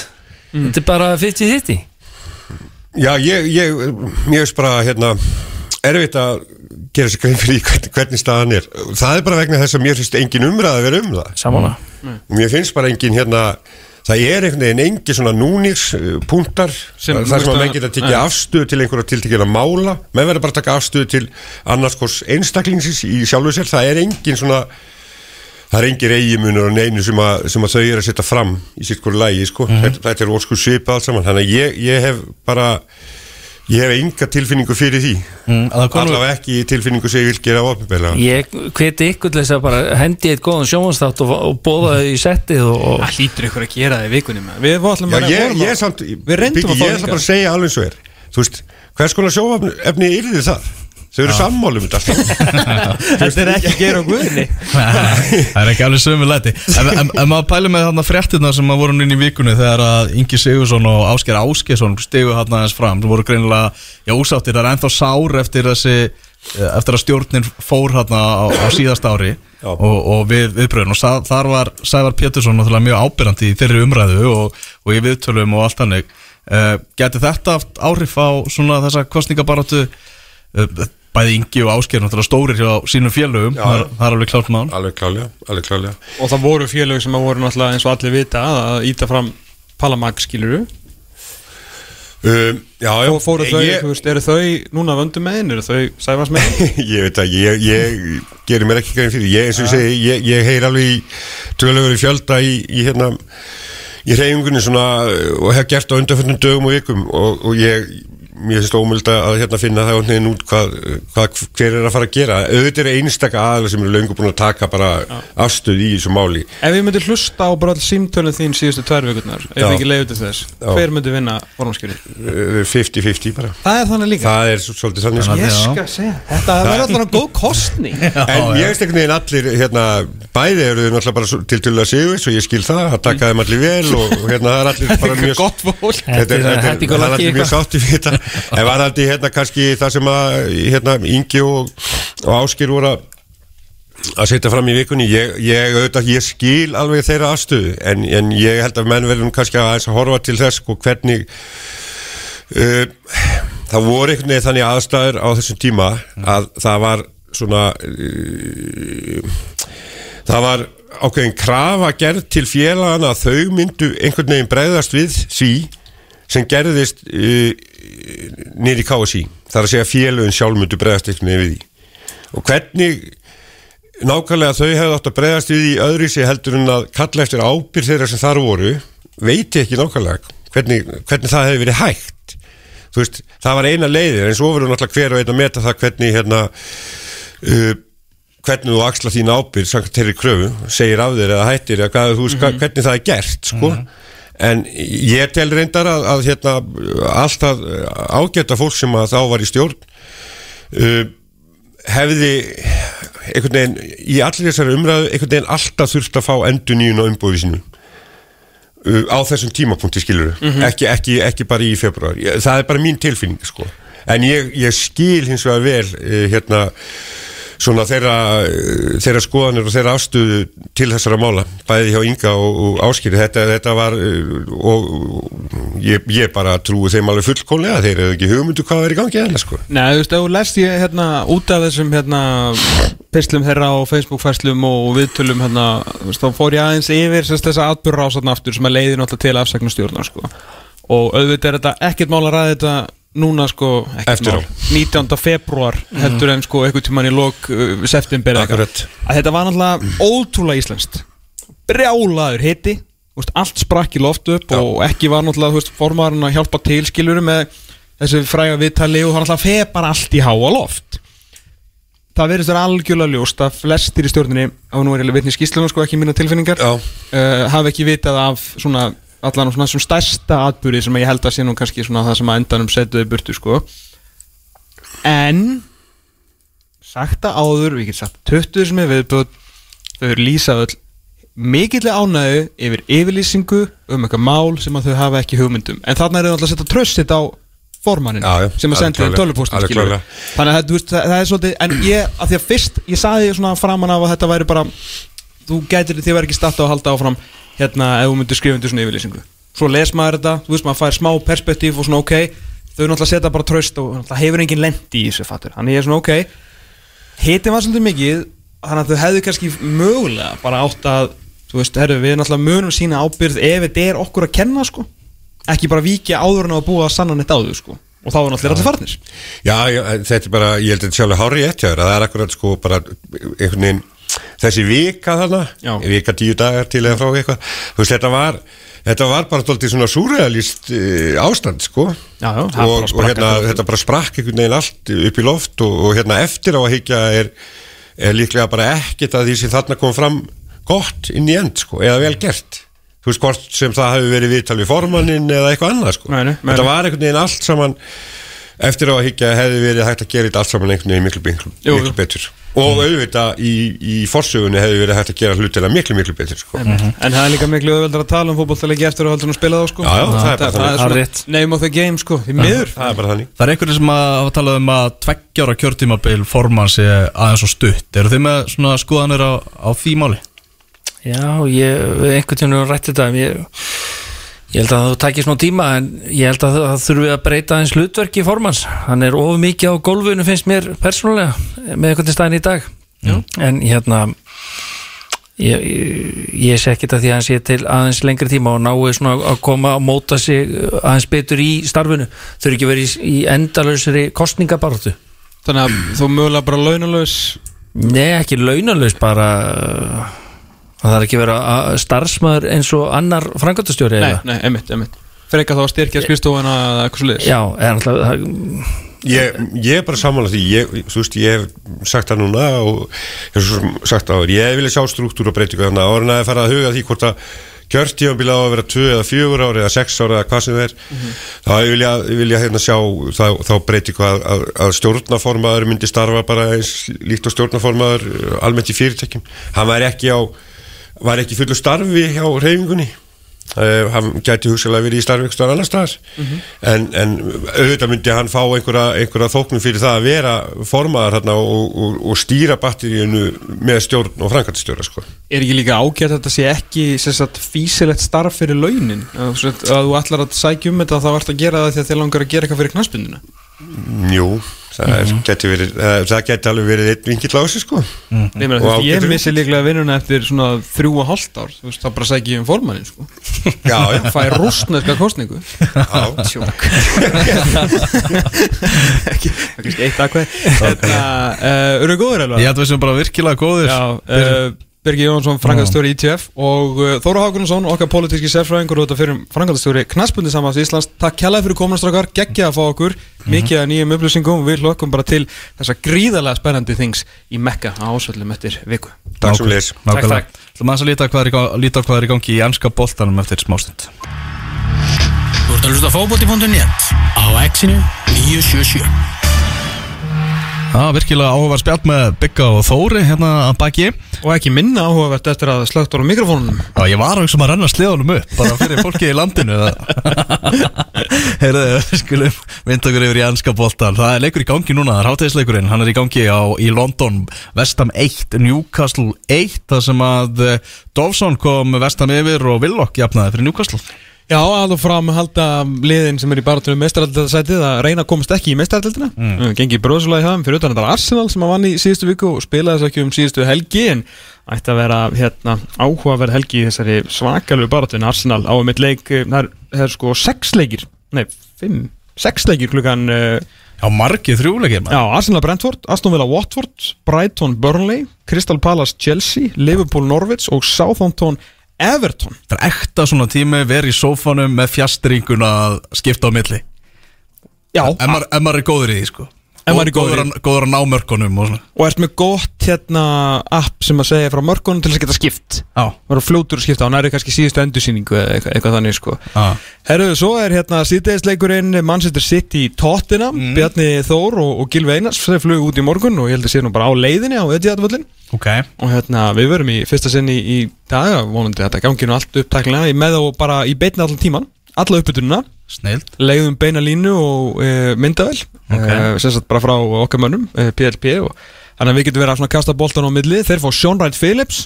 Sean Little Wright Phillips í viðtal og ég og Marget Lára í, í setti hérna heima. Þannig að getur verið með voru skemmtilegt í í dag og hérna og svo morgun að e, ég hef búin að lofa kilfa þau e, sko síðasta ári að senda hann á eitt leik senda hann heim á Elland Road erkifjöndaslagurinn Rósa Baróttan Jórvíkur skýri gegn Lancaster skýri Rauða Rósin gegn uh, Hvíturósinni Leeds Manchester United. Já, og síðan Leeds kom upp, þá var þetta fyrsti leikurinn þar sem að þeir spila á Æland Rót fyrir fram að fulla völd Nákvæmlega sko og Gilvi er búin að lofa því. Mikill bandin alltaf millir þeirra tvekja í baratunum millir Leeds og Everton og líka mikið baratun millir þeirra tvekja sko hvars aðal stemningin er. Já, að því að Goodison er náttúrulega algjört rockhús geðu ykkur Mhm. völlur að fara á en Elland Road virði stundum vera eitthvað annað þannig að það verður gaman að leifa þessum félögum að, upplifa Elland Road á, á morgun og fáum við þetta líka pisla frá þeim fyrir og eftir leik já, nákvæmlega Varst þú búin að koma með spá? Hver, hvaða lið endar í fjóraðsætið? Já, ég var bara með ég, hérna, ég var spurður að þessu í Premier League Today þar sem ég var með Ok. okay. fyrstu innkomi mína í einhverja tvo mánuði, tók mér smá pásu út af út af svollu að hérna uh, þar sagði ég bara vestam Já, Það er rosalega niðurstað Já, mér finnst þér bara að það var náttúrulega áður en voru að gera 1-1 játtöflu við Newcastle Mm. en mér finnst þér bara einhvern veginn eftir að uh, ég hef alveg smá trú á Arsenal. Mhm. það þeir eiga líka einhverju leikjandi góða. Tottenham er á vondri vegferð. Manchester United er bara á einhverju skrítistu vegferð sem ég veit um.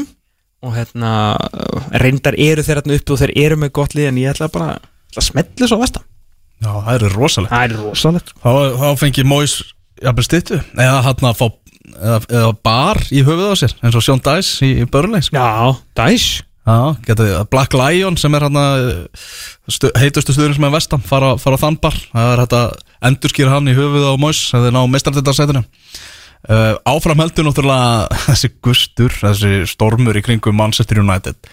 Uh, fréttaflutningur bara náttúrulega hverjum degi um einhverju óeiningu innan klefans þessi sé ósáttur, hins sé ósáttur og, og nú er verið að Já, bara þýskir fjölmjölamenn farnir að, að deila við Markus Rashford á, á Twitter. Og það var náttúrulega mjög fyrðulegt dæmi það sem að já, það voru að tala um það að það sé svona splittast í fylkingar innan klefans hjá Manchester United og Markus Rashford sagði að það væri bara bull og kjæftæði og þá svaraði þessi þýski blaðamaður bara, þú veist betur Markus. Þá bara stóð alveg fastur á sínu svo kemur þessi frétt núna með að Ralf Ragník hafi viljað allt einu breytum fyrirleð og henda bandinu á Ronaldo og það var einhver það að berjast um fyrirleða bandið Maguire og Ralf Ragník reynda báðir búin að, að, að neyta því og Ralf Ragník var það að sagði bara ég hef aldrei rætt um fyrirleða hlutverkið við leikmenn mína. Það, veist, það er bara Einmitt. ég sem tek þá ákvörðun. Ég er ekki að funda eitthvað með, með leikmennum um það. En Manchester United er í þessu fjórðasæti sem er alveg magnað. Leikurinn hjá þeim á móti Brighton á, á þriðudaginn enn og aftur bara svona þá náðir þráttur er bara slaka framistuð að ná í stig. Og það er búin að eiga fullt af svona leikjum á, á tímabilinu. Þar sem þeir eiga hennilega bara náttúrulega ekkert skilu og leikjónum en, en ná í, í stíðin, stíðin á lokum og veist, ástandi er ekki verra en það að þeir eru í meistaradildarsætinu Ég veit þá þar svo lítið að sko, það er svona nánast kjánulegt að vera að spáðum ekki í fjórðasætinu út af því eins og segir. En maður einhvern veginn sér bara ekki uppsætið. En að, að því sögðu eftir allt saman, þú veist, þeir eru búin að tapa sex leikjum, þeir eru búin að vinna, þú veist, búin að vinna 12 sem er enda bara einu minni heldur en Chelsea sko, mm Chelsea á vissulega leikti góða 43 stig og eru núna ennþá í fjórðasætinu ef að Newcastle alltaf að halda þessu stíi hérna sem eru með á móti, móti vestam að það, það þarf miklu minna að kikki gýri þeim. Jadon Sancho það bara verða Jadon Sancho. Ronaldo að draga á það landi í tveimur, þreimur leikjum ef hann er farin að finna fjöl sín aftur. Marcus Rashford að vera það sem hann er. Bruno getur unnið eitt leik fyrir þá David G held, þarf náttúrulega að halda áfram að vera að hann er. Þú veist, það er svo, það er svo mikil gæði oftast inn á vellinum en bara svona systematic failureið í bara öllu liðinu er svo mikið að þess vegna geta þær tapa stegum alveg viljið veg og voru ekkit langt frá því að móti og þú segir þráttur að vera manni fleiri sko. Já, Arsenal bara búið með 22 leiki er, það er engin Evrópa að trubla það á en það sem er eins og að trubla það á er skortur á sóknamönnum algjörlega, algjörlega og hérna ótrúlega stór og sterkur sigur hjá um daginn gegn Úlfónum í síðustu viku þar sem að Úlfarnir hefðu sko sannlega geta keirt sig inn í þess að Champions League barátum með sigri þar og heldu út. Og það er svona þú veist, maður búin að missa smá trú á þeim út af bara byrjun á þessu ári sem er bara rosalega slæm hjá, hjá Arsenal. Eh, og það er verður erfitt fyrir þá að ná í nógu mörg stegi í þessari barátu án þess að geta bara skorað það einhverju viti sko. Mm -hmm. er náttúrulega drullu þetta tilbaka og það þarf líka lítið að gerast fram á þau þannig að þeir fara að sallin stegunum þannig að maður er svona ég er bara langmestur ágjör af Tottenham sko sem er skrítið að því að talandi um sóknarmenn þá eru þeir með Son og Kane. Já, nákvæmlega. Þarna, já, tóttina mikið náttúrulega umræðinu líka og, og vangaveltur um það hversu lengi bara Antonio Conte nenni þessu. Uh, hann svona, já, opinbyrða það að, að stefna tóttina væri greinilega bara að fá inn unga leikmenn og reyna svona bæta þá og gera þá betri í stað þess að, það er ekkit stefnaðir nei, nei, en hann segir það já þú veist eftir að þeir náðu ekki í stjórnundar sem þeir að ná í Já, já, í janúar sko og hann deildi, já, talaði myndu það þú veist að læra af þessum janúar glugga Mhm. en hann er náttúrulega metur þetta projekt allt í einu svona segir að þessu slakari núna heldur en fyrir janúar gluggan Mhm. og Konti er ekkit vanu því að vinna í svona umhverfi sko. hann vil bara koma með sprengju, fá bestu leikmennina vinna fótballtaleikina vinna byggar Já, þá fór hann bara í rámt fótbollalið þegar hvenær hefur Tottenham fengið bestu leikmennina? Son varð einn af þeim bestu í Tottenham. Kristján Eriksen varð einn af þeim bestu í Tottenham. Harry Kane er uppalinn hjá Tottenham. Uh, þú veist, já, kemur í gegnum starfið þeirra. Uh, þá hann eitthvað sem verið að mála hjá Arsenal. Hvaða superstjörnu svona á pari við eitthvað, þú veist, Lukaku eða bara svona eldri stjörnu, ekkert endilega superstjörnu. Bara eins, og alla þess að kalla sem að Inter er að vera að kaupa bara svona ótrúlega reynslu mikla leikmenn hefur, hefur tóttinam fengið. Það er ekkert verið í því. Nei, þeir hafa nefnilega bara, þú veist, þeir hafa gert leikmennina mjög góða, en þú veist, Lukas Mora góðu leikmaður, engin stjarnar, Tottenham þú veist, svona ekta gæði sem að Tottenham myndi fá, Tanga mm Endombili þú veist, það var, þú veist, alveg flott sæn hann hefur kannski ekki alveg gengið upp, en aftur ekkert einhver leikmaður sem að öll heimsins lif voru að berjast um, sko, þannig að konti og með það sem að hann vill fá og magnið af leikmannum sem að hann vill oft fá áseringa einhvern veginn hlistaði með, með það sem að Tottenham vill gera. Kans, Og það- Kanski vildi hann prófa eitthvað nýtt. Vildi, algjörlega. vildi hann sína sig sem veist, ég er ekki bara þessi þjálfari Ég get alveg gert eitthvað annað líka. Ekki með hvað hann var að segja og vildi fá í janúar og eftir hverju þeir voru að fara. Þeir bara fengu enga leikmenn. Já. Hann er erfiður. Hann er erfiður. Ég menna mesta líkur á því að hann staldri þarna stutt við uh, á, þú veist sem ferli sínum, það var að hvað mest uh, Juventus þrjú ár sem hann var þar. Mhm. hann hefur það, það er hann, hans lengsti tími hjá einu félagi. það er komið hans langt síðan með þess að sko, hver ára einmitt. Þannig að hérna, já, ég uh, ég held að hann muni klálega vilja fá bara mjög skýr sör frá Levi og félögum hvað verður gert í sumar hvað á mikill peningur að fara, í hvaða leikmenn á að fara hvað er bakkuplanið ef að það klikkar því að hann verður ekki lengi eins og segir, með, með þennan hóp sko. Mm -hmm. Manchester City og Liverpool áttu svakalega góða viku í meistaradeild Evrópu. Wow. eru bara nánast komin í áttalega úslitina allavega City, mætt þangað og það er ennskur úrslitaleikur ef að þau mætast ekki fyrir sko. Á, þetta eru bestu liðin í Európa í dag. Það væri svakalegt. Er það, ekki, er það eitthvað ómikið ótegmynda? Er, er bæinn hann með þeim með það? Ég meina vonbreið úslit hjá þeim. Já, jafntefli, en Bayerni, jú er í flokki með þeim. Já, ok, fer Já, það er þannig. Uh, Liverpool meðan að sigur á móti Inter og það sem klárar eiginlega þannleik á mínum að það er bara breyttin Það voru allir heilir hjá Liverpool. Já, og bara fitnessið. Já, fitnessi og bara ágæðun og hvernig þeir spila fótbolta. Indermenn áttu bara ekkert eftir síðustu 20 mm Áhugavert þarna, þeir eru búin að skora fyrsta mark Liverpool í 6 á síðustu 7 sigurleikjum hafa komið úr förstu leikadri þeir eru með það algjörlega nælt þeir eru að vinna leiki þar sem þeir eru ekki að ná svona kannski sínum besta takti þá vinna þeir samt. Hvað eru konum með 10-11 markur hortspyrnum Já, í Premier League sko. Mhm. 10 Þá Já. er oft grínast með það að það er ekki hægt að hóttnum Nákvæmlega. Þeir skora í 12 hverju hóttni Já, það er bara, bara rosalegt. Og, og svakaleg, svakaleg úslitið að maður náttúrulega eftir rúma viku þá eru þeir að fara síðan á Wembley. Það er Liverpool Chelsea Jörgen Klopp búin að gera stórkostlega hluti á Liverpool en svona innlendu byggarkeppninar þær hafa fengið að býða svolítið afgangs hjá honum. Já, og hann er innan risastóra gæsaleppa bara með Premier League og Champions League sem er vissulega svolítið stórt sko. Eh, en hann er komin í hvað, í 7 ára 6-7 ár og þetta er ekki, er ekki margi byggarar þótt hann hafi gert náttúrulega nummer 1, 2 og 3 það sem hann átti að gera. Það var að eh, vinna Premier League eftir langa, langa byð og auðvitað halda upp í þessum uh, þessum svona, hvað var að segja, þessum magna afriki og magnu sögu leifupúl í mestardöldinni, hann ná hann í enn eitt, uh, enn eitt uh, erðnastóran sko, en, já, takk eitt deildabyggar, takk eitt FA Cup mm -hmm. og hann er með þess að reyna það núna, nú er hann að spila alveg úr liðum sko. Já Ég held að þú veist, það er alveg góða líkur á því að Liverpool ná alveg að hanga utan í Manchester City þar til að liðin mætast í byrjun april sko. Já, það er bara verður að gerast Það er Það er að það væri þá í, í besta falli hvað 60 og millið er held ég og Liverpool getur minka niður í þrjú. Mm. Þú veist, ef að þau vinna rest fram að þessu sko. Ah. Þannig að uh, gaman að City myndi renna kannski einu svona rásin og getur minka þetta í eitt eða eitthvað, fá, þú veist, alveg loka bortu Já, nokkulega Og Manchester City náttúrulega þú veist, Ef þið fengið að velja þá velja þeir náttúrulega meistaradeildina frekar en Premier League.